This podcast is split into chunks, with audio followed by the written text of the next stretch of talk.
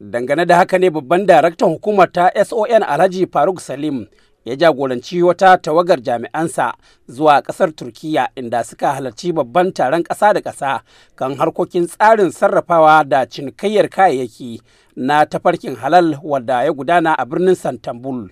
Mr. Albert Wilberforce da ke zaman daraktan ofishin shiyar Kano na hukumar kula da ingancin kayayyaki ta Najeriya na cikin mambobin tawagar.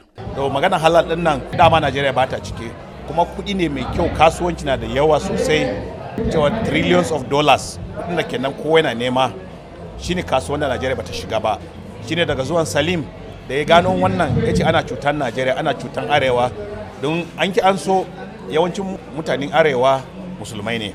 To particular kamar Kano kuma giwon arewa gaba ɗaya giwon Najeriya. To wannan akwai dukiyoyi abubuwan da ake gyara a nan Kano. Wanda in aka samu wannan halal certification ɗin nan za a kasan kai shi wajen kasan larabawa duk da inda musulmi yake. Shi yasa dai muka je koya wannan abin sannan mu kawo ma 'yan najeriya a zo a tabbatar cewa mun bi ka'idan harkar halal a samu tambarin halal.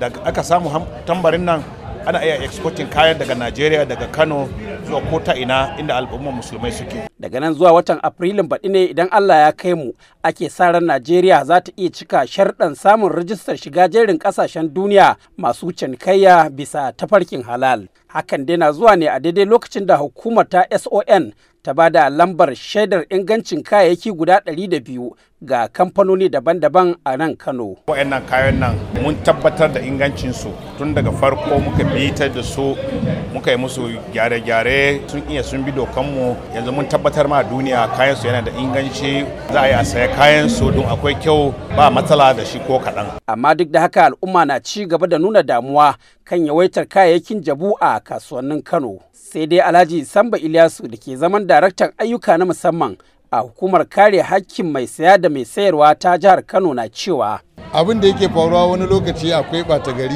Kamfani da suka yi kaya mai inganci. To sai a samu wasu waɗanda za su yi madadinsa amma kuma ba wannan kamfanin ba ne ba. A matsayinmu na masu kare hakkin mai saye da mai sayarwa to za mu je mu kama wannan mutumin mu zo mu hukunta shi.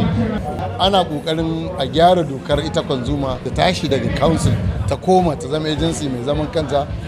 Saboda gurɓatattun mutane karuwa suke yi dole wai sai sun yi kuɗi ta ƙarfin tsiya da yaji. Musamman abin da zai cutar da mutum ɓangaren abin da zaka ci.